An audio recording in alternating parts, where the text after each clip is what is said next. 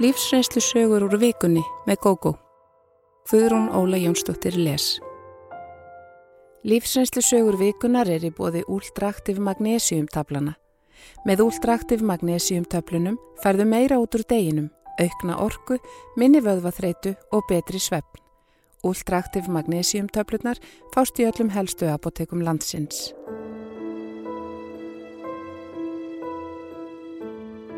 Undarleir draumar Þegar ég var rétt innan við tvítugt, dreymdu mig sérkennilegan draum sem ég leita á sem vittleysu en vakti mig samt til umhugsunar setna mér. Millinafn eldri dóttur minnar fekk ég í gegnum draum og þegar ég fekk sterk skilaboð í gegnum þriðja draumin og fór eftir þeim, tók líf mitt mögnuðum breytingum. Ég er yngst þryggja sistra. Hjónaband fóreldra minna hafði lengi verið slæmt og þrautalendingin var að eignast þriðja barnið og þá vonandi són. Ég kom í heiminn, bara stelpa, og dögði ekki til að bjarga rústum hjónabandsins. Þó efast ég um að sónur hefði breytt nokkru því ástandið var orðið svo slæmt. Þegar ég var umlega áskömmul flutti pappi út. Hann var góðmenni en drakk mikið síðustu árin sem hann var giftur mömmu. Fljótlega eftir skilnaðin kynntist hann konu sem hann eignaðist sónin langþráða með. Á þessum tíma var ekkert til sem hétt först umgengni. Við hittum pappa kannski einu sinni mánuði þegar hann bauð okkur í bíltúr, yfirleitt bara út í Ísbúð. Hann hóf nýtt líf og skildi okkur sýsturnar eftir hjá reyðri, bituri og geðildri móður okkar. Ég var aldrei sár út í pappa. Svona var þetta þá og okkur sýsturum fannst alltaf ofbóðslega gaman að hitta hann. Það var ekki fyrir en við vorum orðnar fullorðnar sem við skildum að hlutskipti mömmu var ekki auðvelt. Hún fekk látt meðlag og þurfti að vinna hörðum höndum fyrir heimilinu. Það afsakar samt ekki á nokkur hátt hvernig hún kom fram og lit skapfonsku sína bytna á okkur með andleg og líkamlega ofbeldi, mest mér. Eldri sýstur mínar líktust henni í útliti en ég var eftir minn pappa, svo ég var líklega einhvers konar hlutgerfingur hans sem hún gæti láti reyði sína bytna á með skömmum og barsmíðum. Sýstur mínar voru ofrættar við hana til að þóra að verja mig og að auki gerði mamma sitt af hverju líka til að sundra okkur þannig að lengst af ríkti ekki mikil vináta á milli okkar, bara metingur og rifrildi sem mamma virti snjóta. Kanski áttaði hún sig á því að við sístur hefðum getað orðið henni erfiðar ef við stæðum saman. Æska mín var ömurleg og það tók mig mörg ár að jafna mig eftir að ég varð fullorðin. Ég djamaði mikið sem unglingur fór að vinna eftir skildu námtíð þótt mér langaði til að menta mig meira hefði ég ekki fengið nokkurt stöðning til þess nema síður væri. Mamma mildaðist með árunum en hataði pappa á meðan að lifði. Við sýsturnar urðum nánari og betri vinkonur á fullorðinsaldri þjátt fyrir oft og tíðum miklar fjarlæður á milli okkar en allar höfum við búið um hríð erlendis eða á landsbyðinni. Ég hef alltaf haft gaman af því að passa börn og byrjaði á því kornungað aldri Ég man eftir mér fimm eða sex ára gamalli að keira kerru fram og tilbaka á gangstétt. Sem úlingur held ég áfram að passa á kvöldin, kannski aðalega til að eignast smá vasapenninga, en ég hafði samt óurlega gaman af því að gæta barna. Þegar ég gifti mig stemdum við hjónin að því að eignast stóran barnahóp, að minnstakosti fjögur börn, en börnin mín urðu nú bara tvö, tvær indislegar dætur. Madurinn minn varð ástfangin af samstarfskonu sinni og held áfram barnignum sínu með henni. Mér dreymdi annan sérkennilegan draumum, svipaleiti og ég var að reyna að finna millinafn á eldri dóttur mína. Ég fekk nafnið í draumnum, fannst það stór gott og eiga sérlega vel við stelpuna. Gamli draumurinn rifjaðist aðeins upp fyrir mér þá því ímislegt í honum myndi á þennan. Rétt fyrir fæðingu yngri dótturinnar kom fallegt nafn upp í huga minn á meðan ég var að vaska upp. Pappi hennar let mér áðað við eins og hinnu en hann var líka komin með hugan annað á þessum tíma. Þó höfðum við gert samningum að ég reyði nafni fyrsta bars. Hann var spenntur fyrir að láta annað barnið heita í höfuðið á föður sínum eða móður eftir því hvort kynsta væri. Við vildum ekki vita kynið á sínum tíma en ég var einhvern veginn vissum að þetta væri stelpa og nafnið sem kom upp í hugan var einmitt stelpunafn. Svo litla var aðeins tryggja mánada þegar pappina stopnaði nýja fjölskyldu. En að draumnum sem ég dreymdi í sólalandaferðinni Mér fannst ég og sýstir mín, sem var með mér í ferðinni, svífa um heimingeimin og berast að eins konar sillu, þar sem var skrifbord og stórt gat sem myndi á lúi fyrir aftan. Það síðasta sem ég hugsaði um í þessari sólalandaferð var dauðin. Þetta var bara gleði og glaumur, en í draumnum voru við dánar. Góðleg miðaldra kona satt við skrifborðið en mjög gammalt kvítarður maður stóð fyrir aftanana og bladaði í skjálabunga. Konan var að afgreða mann sem hafði greinilega dáið eins og við en þegar við nálguðumst sagði konan við þann kvítarða að við værum komnar. Hann rétti henni skjálabungan sem hann hafði verið að blada í. Hún rétti mér bunga og sýstur minni annan. Þetta eru lífin sem þið hafi lifað, sagði hún. Ha, lifir maður ekki bara einu sinni, spurði ég gáttuð. Lestu bara, sagði hún. Ég byrjaði að lesa og fór strax í baklás. Ég hafði verið fíkill í mikill í neyslu í síðasta lífi mínu og átt þrjú börn sem ég hafði verið mjög vond við. Ég fór nánast að skæla og sagði við konuna, nú skil ég af hverju ég ólst upp hjá mömmu. Ég varð að vita hvernig þetta væri. Hafðu yngar áhyggjur, sagði konan ákveðin. Það er hægt að bæta fyrir allt. Engin er dæmdur endanlega. Þú færð alltaf annað tækifæri. Alltaf. Bunkin minn var mjög þykkur og eftir því sem ég komst neðar í hann var letri skrítnara og pappirinn gullnaðri. Mér skildist að síðustu líffólk skipti meira máli en hinn. Sistir mín hrópaði upp yfir sig. Hún hafði lifað spennandi lífi í Kastala í Evrópu. Mér fannst sem ég yrði að leggja fyrir líf hennar á minni líka því ég áttaði mig á því að þetta væri draumur. Þegar ég vaknaði Sagði ég henni frá þessum draumi og henni fannst þetta mjög sniðugt en var álíka vantrúð og ég á fyrirlíf. Þegar eldri dóttur mín var á úlingsaldri dreymdi mig þriðja draumin en þar var mér sagt að ég yrði að fá mér millinapn og fekk að vita hvaða nafn það væri. Ástæðan var svo að nafni myndi breyta orkubrautinu minni.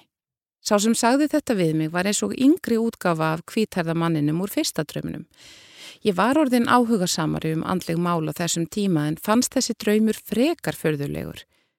Laungu setna heyrði ég útarpsviðtal við talnaspeking sem talaði um mikilvægi nafna og að þau getu haft áhrif.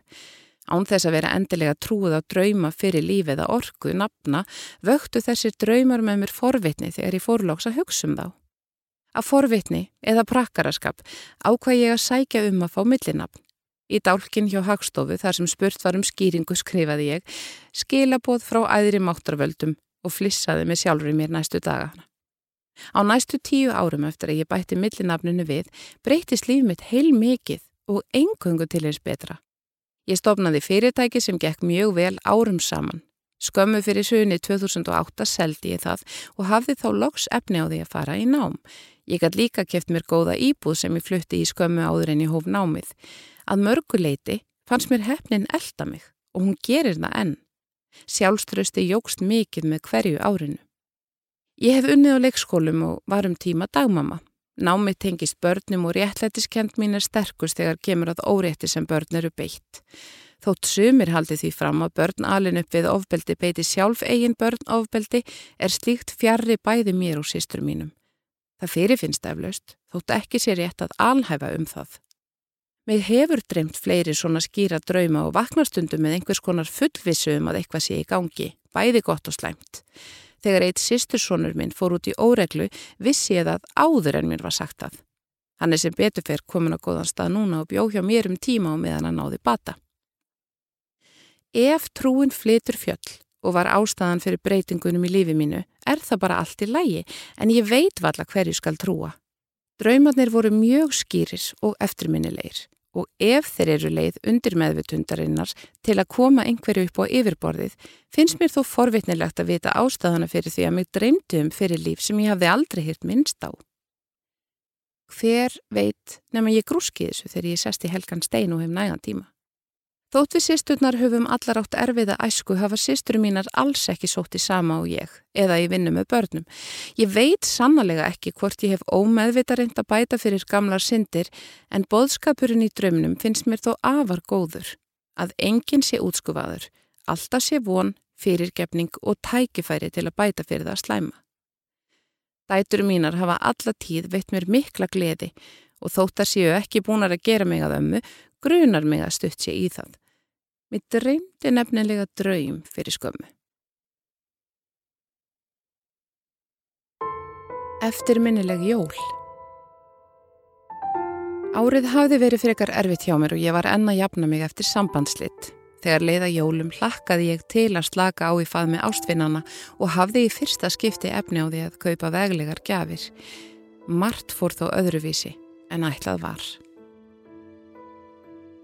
Á þessum tíma var ég nýkomin úr erfiðu ástasambandi við mann sem drakk mikið og varðað auki þungur í skapu með víni. Það var ekki fyrir en eftir á sem ég áttaði mig á því hvað þetta var þrúandi og erfitt. Hann saði strekka til að lena innri vanliðan sína en leið þó alltaf verð þegar hann drakk. Ég reyndi að sína honum skilning allt of lengi því hann hafði átt erfiða æsku. Pappi heitinn drakk og ég var líklega dæmigert alkabart sem vildi bjarga alkanum sínum en loks reyf ég mig lausa og hefði ekki grunað hversu mikið léttir það varð. Vissulega elskaði hann lengst af, en Ástinn hafði þó dvína til muna síðasta árið og samúð mín breytist smám saman í fyrirlitningu. Ég saknaði þó góður hliðana hans, svo léttirinn var svo litið tregablandin lengi vel. Ég hafði verið í draumastarfinu mínu í fimm ár eftir háskólanám en hafði fengið ágætlega borgaða aukavinnu í november og desember. Ekki veiti af því draumastarfið var ekki vel borgað. Í byrjun desember fannst mér ég forrík og ákvaða að gefa vinum og vandamönnum veglegri jólagjafir en áður. Oft hafði ég gefið eitthvað heimatilbúið, keft falleg boks sem ég bakaði smákökur í, gefið krukkur með heimagerðu konfekti, soðið sultu eða búið til baðsalt. Ég hafði gaman af því að búa þetta til og ástfinnir mínir voru alltaf mjög ánaðir með þessar gjafir.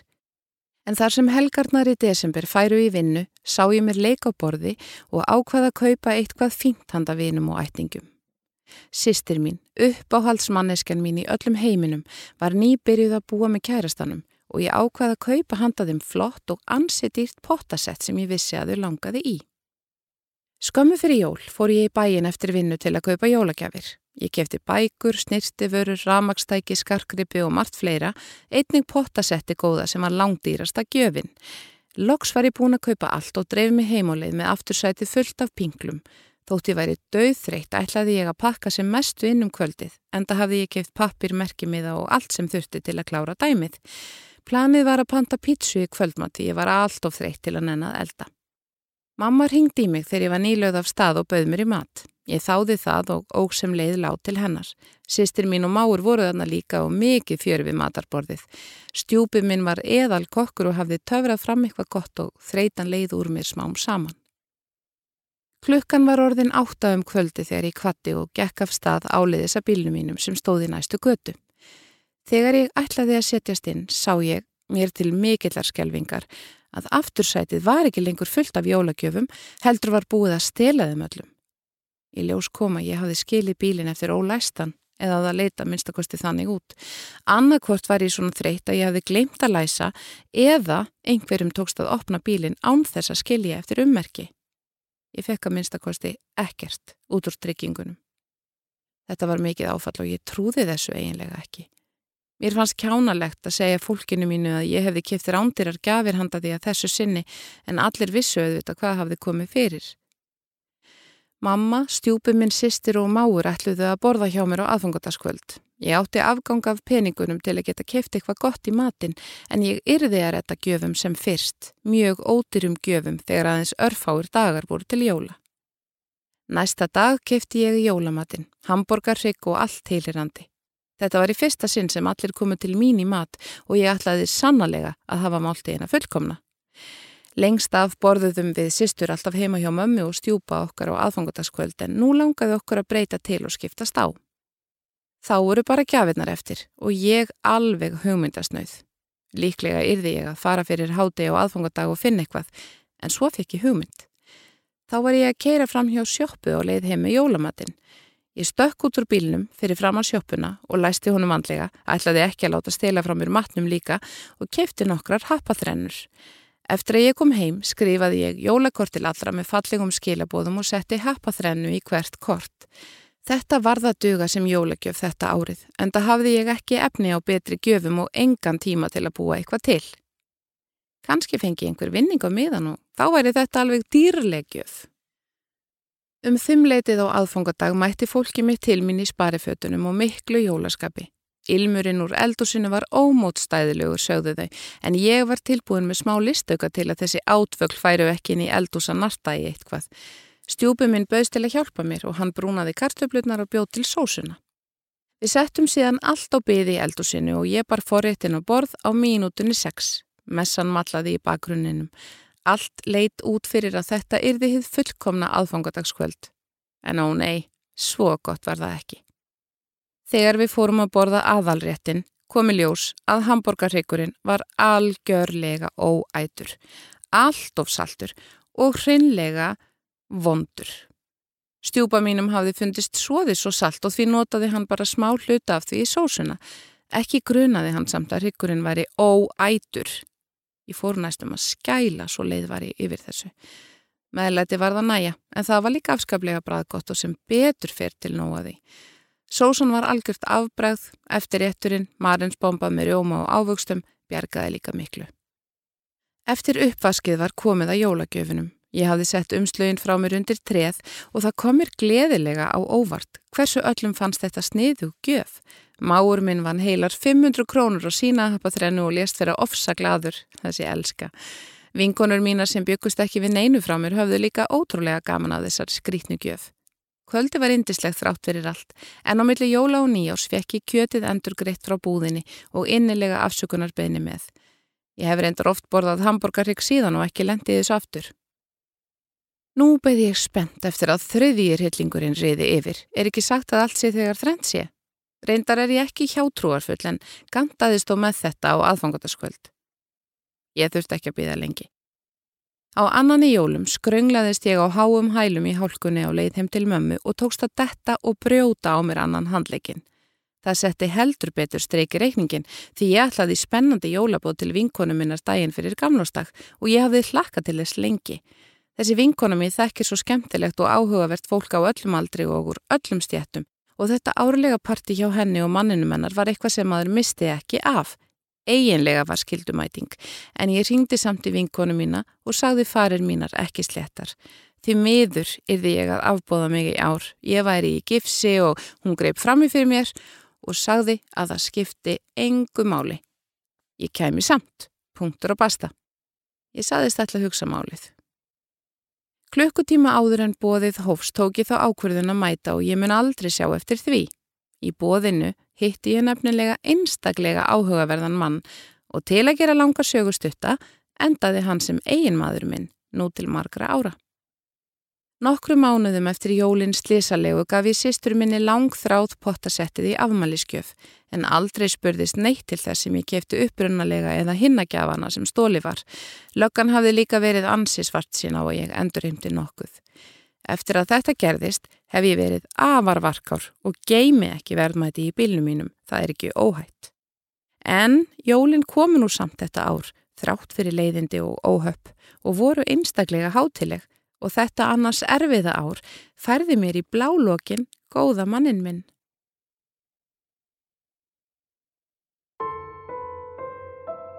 Óvæntir fordómar Fyrir nokkrum árum tók líf mitt algjöra uppeyju. Ég skildi við mannin minn, misti hilsuna um svipaleiti og í kjölfarið íbúðina mína. Ég flutti síðar í leigu íbúð í blokk þar sem ég uppliði framkomu sem ég hef korki fyrir nýja síðar mætt af hendi nágranna. Það var mikið áfall að veikjast. Ég er með góða mentun og hafði ný lokið setni háskólagráðunni þegar veikindin hófust. Um svipaleiti skildum við hjónin. Fyrirverandi maðurinn minn var mjög óábyrgur í fjármálum sem var eina af ástæðum þess að ég skildi við hann. Ég satt eftir í skuldasúpu en var svo lánsum að hafa eignast með honum tvö indisleg börn sem hann hafði þó engan áhuga á að umgangast. Dóttir mína fyrrasambandi var fluttað heiman á þessum tíma og fær hann að búa með kærastanum sínum. Til að gera langarsögu stutta var ég að selja íbúðina mína til að greiða skuldirnar og fór út á leikumarkaðin. Árið setna var ég orðin algjörlega og vinnu fær. Ég fekk ímsa góða aðstóð eins og sjúkraþjálfin og annað sem átti að hjálpa mér út á vinnumarkaðin aftur. Mér var sagt að þetta veri langferð og þar sem ég er bjart sínað eðlisfari fannst mér líklegt að þetta færi allt vel. Ég flutti nokkrum sinnu með börnin því lítið er hægt að treysta á leikumarkaðin. Ég ótaðist að börnin yrðu rótlaus og reyndi að halda mig í sama bæjarfélaginu svo þau þurftu ekki að skipta um skóla. Það varð sífælt dýrar að leia og um fátt að velja fyrst ég vildi vera í skólakverfi barnana. Að lokum gafst ég upp og sótti um að fá íbúð á vegum bæjarfélagsins. Það tók sinn tíma að fá íbúð þótt aðstæður mín að settu mig vissulega í forgang. Loks fekk ég góðar frettir en það hafði losnað íbúð handa okkur í stóri blokki nýju hverfi, ágætt fjögur að herbyrja íbúð á jarðæð og ég hlakkaði til að gera hana að okkar. Ég leist vel á umhverfið og var vissum að nú hæfist nýtt og betra líf. Stutt var ég að ég færi á Reykjalund en ég hafði þó smá tíma til að koma mér fyrir. Stóra stelpan mín ætlaði að vera með sískinni sín á meðan ég værið heimann, svo ég var alveg áhyggjulös. Ég man enn hvað ég var glöð og spennt þegar ég kerði með fullan bíla við hvað með dótið að nýja heimilinu. Flutningabílin áttið að koma setnipartin, svo ég hafði góðan tíma til að kynast nýja heimilinu. Eldri dóttirinn og kærastinn hennar ætluðu að hjálpa okkur að bera úr sendibílnum setna um daginn. Ég lagði bílnum á bílastæði næst íbúðinu minni. Stæðin voru flest laus enda morgun og virku dagur. Ekkert stæðana var mert og því komir á óvar þegar maðurinn okkur öskraði á mig af svölum og þriðjuhæð og harð bannaði mér að leggja þarna. Hann sagði að stæðið tilherði íbúð 2B eða eitthvað slíkt. Mitt stæði væri lengra í burtu. Þarf einhver að nota stæði núna? spurði ég hissa. Hann sagði ekki svo vera en það væri bannað að leggja þarna. Inga til hefðu allir virt þetta og hann væri ekki sáttur við þeim nýjir íbúar ætluði að vannverða reglur húsfélagsins og svo framvegis. Þetta var eiginlega bara fyndið eða hefði verið það ef þetta hefði ekki verið bara byrjunin á þeim mótökum sem ég fekk í húsinu. Ég tæmdi bílinn við börnunum og lagði síðan á stæðinu sem Karlinn hafði bent mér á. Setna sama dag fann ég kort af bílastæðinu í póskarsannum þar sem komi ljós hver ætti hvaða stæði.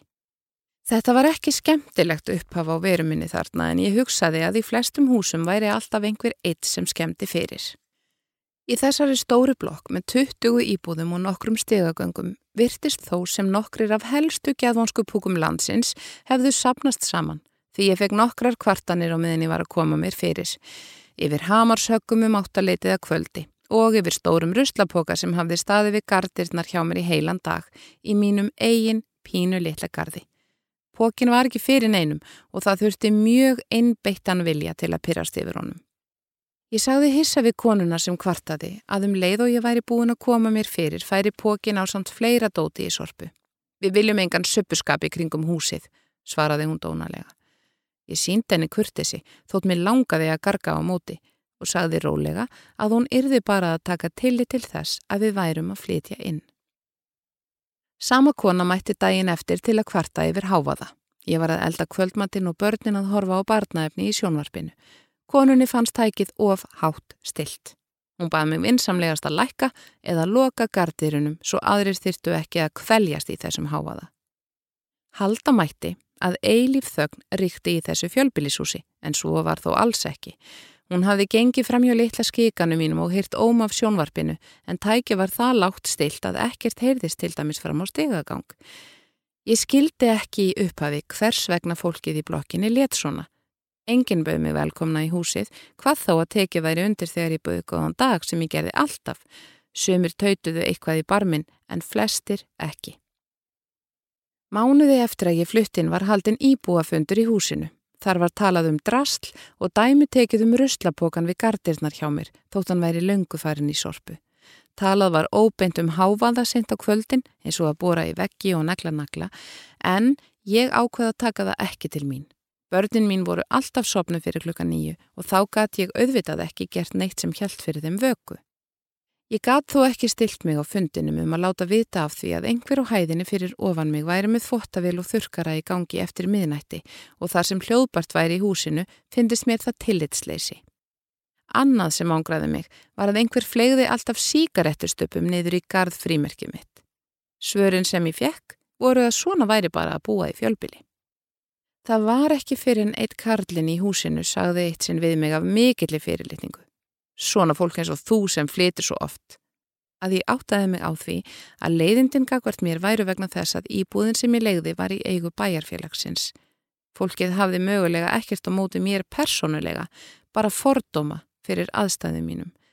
Það vissi að ég væri öryrki með tvö börn og það dögði til að ég væri dæmt verri manneskja en hinnir íbúarnir og íbúðin mín hafði neikvæðan stimpil á sér.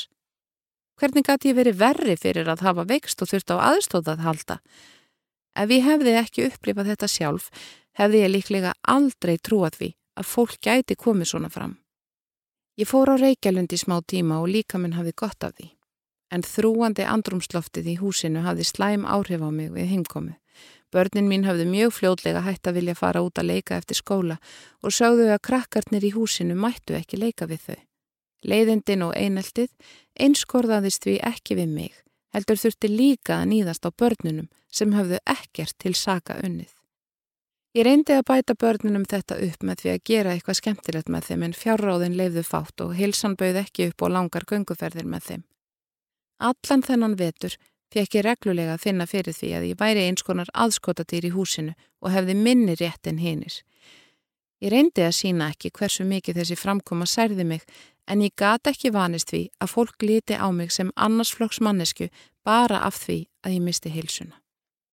Um vorið var hengt upp tilkynning um tiltæktardag í gardinum. Allir íbúar voru kvattir til að mæta.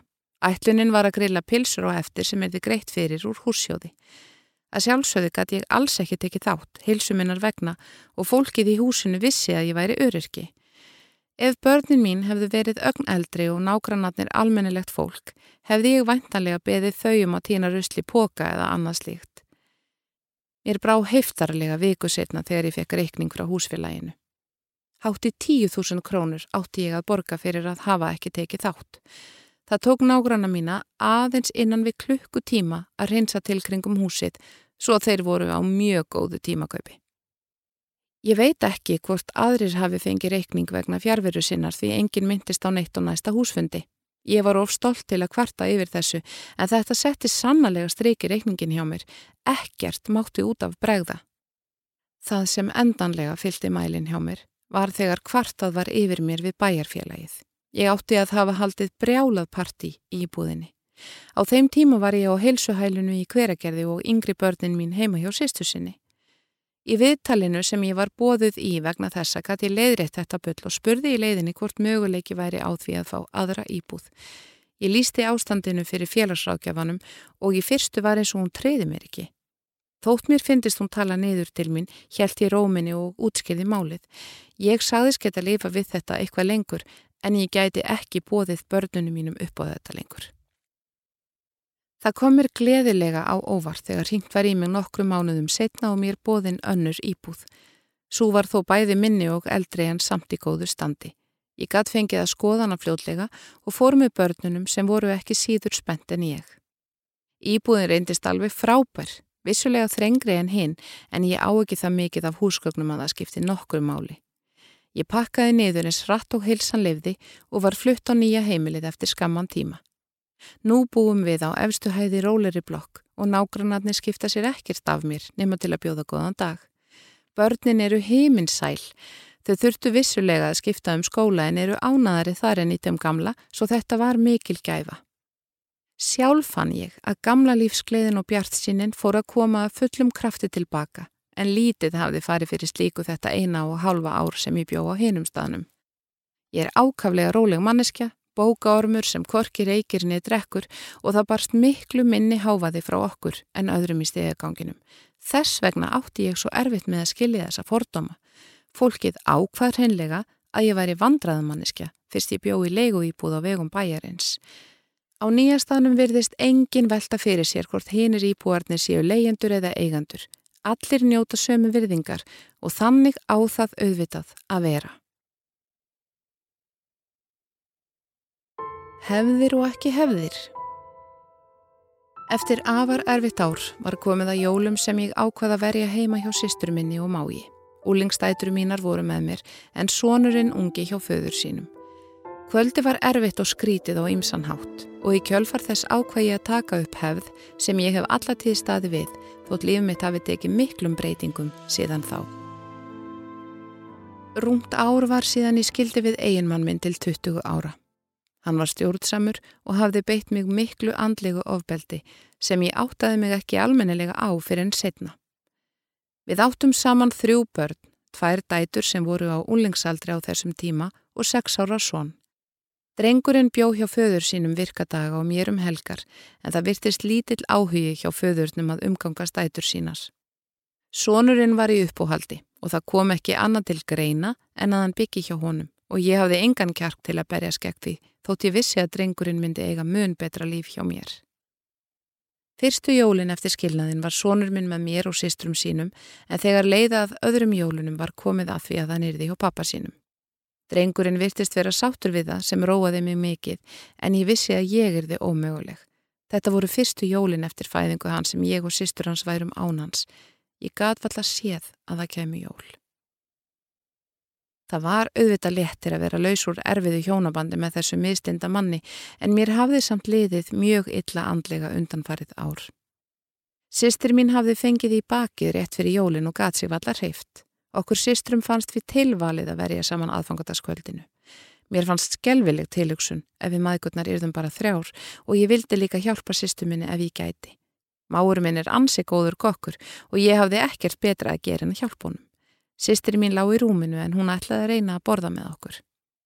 Máur minn opnaði rauðvinslösku á meðan við undurbjökum matinn. Það þyrti vín í sósuna sagðan um leið og hann held í glöðsand okkur.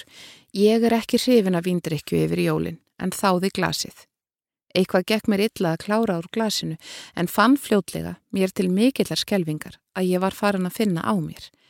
Þá áttaði ég mig á því að máur minn hafði fyllt á glasi mitt nánast jafn óðum og ég tók sopa og ég ekki tekið eftir því í önnunum við að búa til eftirréttin. Ég veit ekki hvort nokkur tók eftir ástandi mínu en ég fór fram á bað og skvetti framann í mig vatni til að láta renna af mér. Óhófleg áfengisneisla foreldra um jól hefur skapað mikla sorg og óöryggi hjá börnum og ég ætlaði sannarlega ekki að vera slíkt foreldri. Þrátt fyrir að máur minn væri orðin vel kendur og ég fyndi á mér, tókst okkur að elda fínasta jólamat sem var komin á borðið um sexleitið, hambúrgarrygg eins og var hefði í fjölskyldunni. Sistri mín gatt stöylast fram með stuðningi en hún varð að borða standandi. Hún og maður hennar drukku bæði vín með matnum en við maðgurnar heldum okkur við malt og appilsín. Stemningin var skrítin allt kvöldið, bæði hjá mér og dætrunum, því allar söknum við drengsins. Við ringdum í hann og það var gott að vita að honum leið vel með pappa sínum, afa og ömmu. Við restumst við símtalið. Máur minn var druknari eftir því sem leið á kvöldið og við maðgur drifum okkur heimundri miðnætti. Ég kunni ekki við að fara fyrir þótt mér langaði því sýstir mín lág í rúminu og þetta voru nú einu sinni jólin. Mér fannst Rikkan setja skugga á bæði daginn og kvöldið og hétt mér því eftir þetta að hafa aldrei vín á borðum hjá mér yfir jólin. Næstu jóla og eftir var sonur minn með okkur og allt var miklu betra þá, lífið ekki jafn erfitt og komið betra jafnvægi á sálartetrið. Börnin mín hafa alltaf verið hjá föðurfólkinu sínu á jóladag og hefðin er svo sterk að engu hefur mátt breyta í áratugi. Það þýtti að ég var eina á jóladag. Fyrst fannst mér það mjög einmannalegt en svo fór mér að finnast notalegt að vera á náttfötunum allan daginn, narta í matinn frá kvöldinu áður, borða konfekt og lesa jólabækurnar. Í mörg ár var þetta svona, en svo komst máur minn að þessu fyrir tilviljun og allt var vittlust í fjölskyldunni. Það ætti engin að vera einn á jólunum. Ég sagði eins og var að mér finnist einstaklega kósi að vera ein heima, en ég fekk ekki að komast upp með það lengur. Það var hreinlega ákveðið að mér hliti að líða illa yfir þessu og næstu árin var mér bóðið í hangikjött hjá einhverjum í fjölskyldunni og meðan börnin voru hjá föðurfólkinu. Það var allt í lægi en ég saknaði kósi heitana svo litið. Sónur minn æfði íþróttir af kappi þegar hann var yngri, eða alveg fram yfir úlingsárin. Mömmuhelgin hófst vanalega á því að ég sótti hann á æfingu í íþróttahús nálat skólanum hans. Við pappi hans byggum ekki sama hverfinu og þegar hann eldist vild ég ekki að hann dækist rætó, þótt hann gæti það vel. Mér fannst dýrmætt að eiga með honum góða spjallstund í bílnum á leiðinni heim til mín. Eitt föstudaginn var ég komin óveinu snemma. Hafði ekki nefnt í maturubúðina áður eins og vanalega og í stað þess að býða út í bíl fór ég inn og horfi á sónin sem var þá 11 ára og fleiri stráka á æfingunni. Örfáir foreldrar voru þarna og ég settist við hliðina á bráðmyndalegu manni sem brosti fallega til mín. Við kynntum okkur og spjalluðum aðeins saman á meðan við fylgdumst með sónum okkar. Þetta var það vana hjá okkur á föstutugum. Ég steinhætti að gera matarinköpin eftir vinnu þennan dag, heldur flýtti mér úr vinnunni til að eiga þessa stund og kynntist manninum sífælt betur. Hann hafði verið ekkill í tvö ár og átti svon sem var ári yngri en strákurinn minn. Annan hvert förstu dag skuttlaði hann síninum til móður afa og ömmu sem voru með hann yfir helgina. Einn afa og ömmu förstu daginn spurði maðurinn mig hvort ég væri til í að halda spjallinu áfram yfir kvöldverði og veitingahúsi. Ég hef kjarslátt og hef eflust róðnað en ég svaraði játandi. Í mörg ár hafði ég verið heima nánast allar helgar með börnunum mínum. Það var alveg komin tími á stefnum út. Önnur dóttur mín var heima hjá bróður sínum um kvöldi þótt honum finnist að nógu gammal til að vera einn. Stefnumótið var dásamlegt í einu orði sagt. Það varð upphafið að góðum vinskap sem breytist smám saman í ástarsamband. Við fórum okkur hægt og það liðun okkur ár þar til við tókum það skrefað hefðið sambúð. Þá var sónur minn orðin 17 ára og mömmu helgarnar löngu hættar. Hann kom bara þegar hann langaði sjálfan og það var bæði í miðri viku og um helgar. Eftir að hann egnaðist bíl og í kjölfari kærustu hætti hann ánast að sjást. Dætur mínar voru báðar fluttar að heiman og önnur búin að gera mig að ömmu. Þetta var ágætur tími til að gera breytingar. Ég legði út íbúðina mína þegar ég flutti til kærastans og sonarans og seldi hana síðan þegar við giftum okkur. Sambúðin við feðgana gekk afar vel frá fyrsta degi og ég er alltaf jafn ástfangin. Fólki hans tók mér allt mjög vel og mitt fólk honum. Það hafði komið mér á óvart hversu lítið feðgarnir voru fastur í hefðum þegar koma jólum. Það breytist margt þegar konana stó og hugsunin um að njóta lífsins á meðan það varði að festa sig ekki í einhverju sem þeim líkaði ekkert sérstaklega vel við náði yfir höndinni. Mér fannst þetta svo litið sérkennilegt í fyrstu en fór svo að njóta þess. Feðgarnir hafðu komið í hangi kjöt til okkar á jóladag nokkrum sinnum. Fyrsta aðfangataskvöldinu eftir að við kynntumst vörðu þeir hjá móðurfólki svonarins en því næsta hjá mér og börnunu mínum. Þar næst skruppu feðgarnir til London og heldu jólinn þar hjá vinafólki en eftir það höfum við alltaf verið saman á aðfangataskvöld. Mér fannst ekki erfitt að sleppa jólahefðunum mínum, fann ekkert annað en frálsræði við það. Við gefum þó alltaf jólagjafir auðvitað. Í fyrra fórum við tvö saman út að borða á aðfangataskvöld og sátum á fullum veitingastað umkringt útlendingum sem hafðu kosið að verja jólunum á Íslandi. Það komir á óvart hversu hátilegt það var. Eitt árið buðum við öllum börnunum og barnabarninu með okkur á sólaströndi við jólinn. Ferðin var stór skemmtileg en börnin sögðu þó eftir á að þetta hefðu ekki verið alvöru jól. Unga fólkið getur verið ótrúlega íhaldsamt þegar kemur að jólahefðum. Börnin okkar hafa samt alltaf virt hefðir okkar um að hafa engar hefðir. Að vísu er ein en mikilvæg hefð sem við höldum í á aðfangadagskvöld. Við drekkum aldrei vín með matnum, heldur ekki þegar við erum bara tvö einn. Mér finnst það almennt besta jólahefðin hjá fólki, sérstaklega þegar börn eru komin til sögunar. Svikarinn Ég skipulaði viðburð fyrir mörgum árum og réði gamlan skólabróður minn sem grátt baðum að fá að starfa hjá mér. Þegar tárin höfðu þornað reyndist maðurinn ansi kræfur og síndi mikið ímyndunarafl við að svíkja mig og pretta. Um nokkura ára skeið var ég í skemmtilegu og fjölbreyttu starfi hjá fyrirtæki sem meðal annar stóð fyrir viðburðum. Ég hafði verið til aðstóður í nokkrum þessara viðburða og eitt daginn kom loks að því að mér var falið að halda utanum eitt stóran og spennandi. Það gekk afskaplega vel, mér leið eins og ég væri á heimavelli, en það hef ég alltaf talið mig hafa góða skipulagshæfileika. Það var lítið málað að halda öllum þráðum í hendi mér og þótt ég vissi að sitt af hverju geti klikkað og komið öllu í uppnám var ég bara tilbúin með plan B og hafði að auki valið með mér fólk sem ég treysti. Í kjölfarið sá ég um nokkra viðburði til viðbótar áður en ég hætti hjá fyrirtækinu. Mér hafði bóðist betra starf og mun hæri laun sem ég stóðst ekki. En ég fann að ég saknaði spennunar og adrenalínsins sem fyldi því að skipulegja svona viðburði. Ég hafði aflað mér góðra sambanda í gegnum árin og átti vini í þessum bransa. Í spjalli við eitt þeirra fekk ég hugmynda spennandi viðburði sem ég geti auðveldlega unnið að þótt ég væri í fullu starfi annar staðar. Þetta var ekki stór viðburður, ein manneska sem kom fram í stórum sal og ég sá í hendi mér að þetta gengi auðveldlega upp og áhættan væri ansi lítil. Vissulega var ég mörg horn að líta. En eini starfsmæðurinn sem ég þurfti að ráða var bílstjóri til að keira viðkomandi og maka hans þessa örfáu dagar sem stoppaði þið á landinu. Kærastan mín ætlaði líka að aðstóða mig eftir bestu getu. Ég var búin að auglisa og miðarfarnir að seljast þegar gamalt skólabróður minn úr grunnskóla byrtist óvænt við útýttisnar hjá mér að kvöldu til.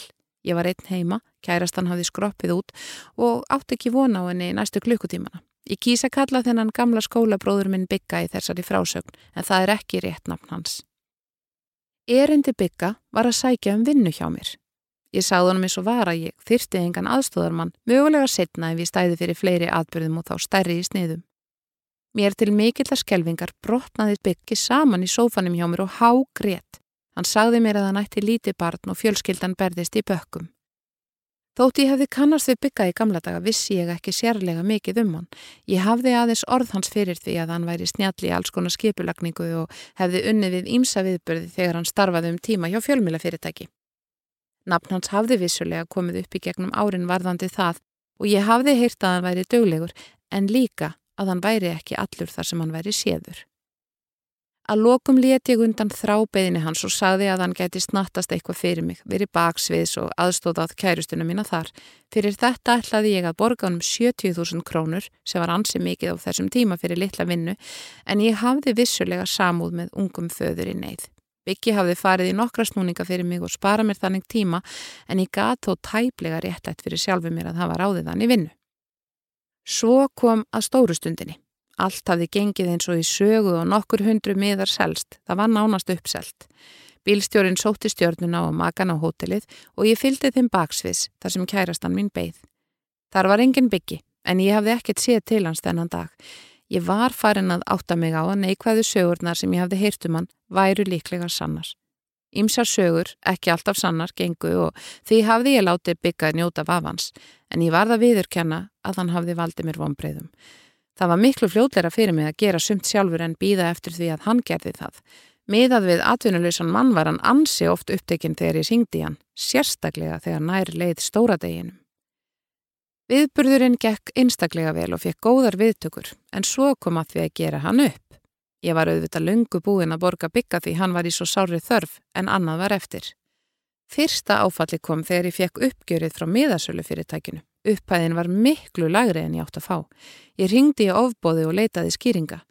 Í ljós kom að Byggi hafði tekið út 200 miða, logið við að það væri bóðsmiðar sem hann væri að sækja fyrir mig.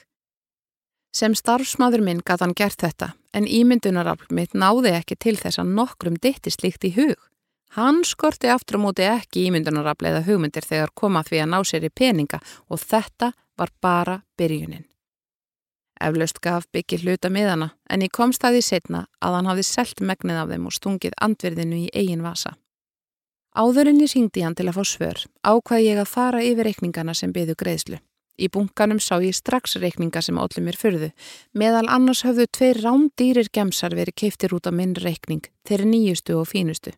Þegar ég ringdi til að fá skýringar komst ég að því að Byggi hafði keift þá á mínu nafni og gefið símafyrirtækinu miða í leiðinni, mögulega til að gera úttektina trúverðugri. Fjöldi rekninga frá fínustu veitingastöðum borgarinnar var reitning í bunkanum. Byggi hafði greinilega gert afar vel við sig og sína í mat og drikk og skrifað heiminháa rekningana á mig. Þegar allt hafði verið tekið saman kom viðburðurinn út í talsverðu mínus. Nú var ég komin með alla reikningana fyrir framann mig svo ég ringdi í bygga og krafðist skýringa hjá honum. Hann var ekki jafn auðmingjalegur í bragði og þegar hann greiðt út úr mér starfið heldur sagði kókraustur, reyndu bara þetta. Ég hefði svo sannarlega átt að draga hann fyrir domstóla því ég gæti auðveldlega sanna fjársveikin á hann en ég vissi að það hefði ekkert þýtt. Byggi átti ekki krónu og ég gæti ekki hugsa mér að eigða meiri tíma og orgu í þennan sveikara. Ég lærði mikið af þessari reynslu og ákvað að ef ég heldi áfram að skipulegja viðburði í framtíðinni myndi ég vanda valið mjög á samstagsfólki. Reyndar fór það svo að ég held þessu ekki áfram. Ég fekk þær gleði frettir um það byrjt tveimur mánuðum eftir viðburðin að við kærastan mín ættum vona á barni. Á næstu árum bættist við annað barn, við giftum okkur, kiftum stærri íbúð og stopnuðum lítið fyrirtæki. Þegar allt fór að róast, fann ég að neistinn var farin. Mér langaði ekki lengur að standa í svona viðburðum. Byggi virtist halda sig við þennan bransa frétti ég, var í samvinnu við aðra eða stóð eitt fyrir viðburðum. Hann hafði yfirleitt einhverja peninga upp úr krafsinu en skildi aðra ofta eftir með sált ennið. Það er í raun óskiljanlegt hvernig hann komst upp með þetta svona lengi á þessu litla landi. Hann er vissulega sjarmirandi og tekst að tala sig inn á fólk, spila á samúð þess og telja því trúum að hann sé góður gæi, það séu bara hinnir. Hann let sig meira að segja hafa það að fara í meðferð eftir eina uppókomuna og þótt margir vissu að það væri enn ein aðferðin til að öðlast samúð dugði það honum. Drykja hefur ekki verið stóra vandamálið hans og hann hættu auðvitað ekkert að drekka.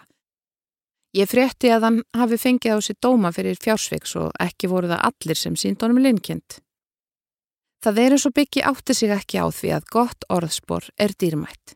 Eitt sinn reyndi hann að ná samningum um að halda viðburð, var viss komið nokkuð áleiðis þegar viðkomandi aðili leitaði umsagnar um hann á Íslandi og frétti frá nokkrum aðilum að honum væri alls ekki treystandi. Allt var því blásið af. Ég frétti að Byggi hefði orðið mjög reyður yfir þessu, en það skilur hann ekki orsök og afleiðingu og allt sem fyrir úrskeiðis hjá honum er öðrum að kenna. Það er greinilega margt að varast í lífinu og ekki síst siðblinda einstaklinga, en það er langt séðan mér ann reyðin. Ég lít á sveikbyggar sem leksíu, vissulega dýrkifta, en eftir þetta fer ég alltaf að öllu með mikillig gátt þegar kemur að viðskiptum og það hefur oftar en einu sinni komið sér vel. Þú varst að hlusta á lífsreynslu sögur úr vikunni með GóGó í lestri Guðrúnar Óli Jónsdóttur og framleiðslu Storysite árið 2020. Höfundaréttur Vikan.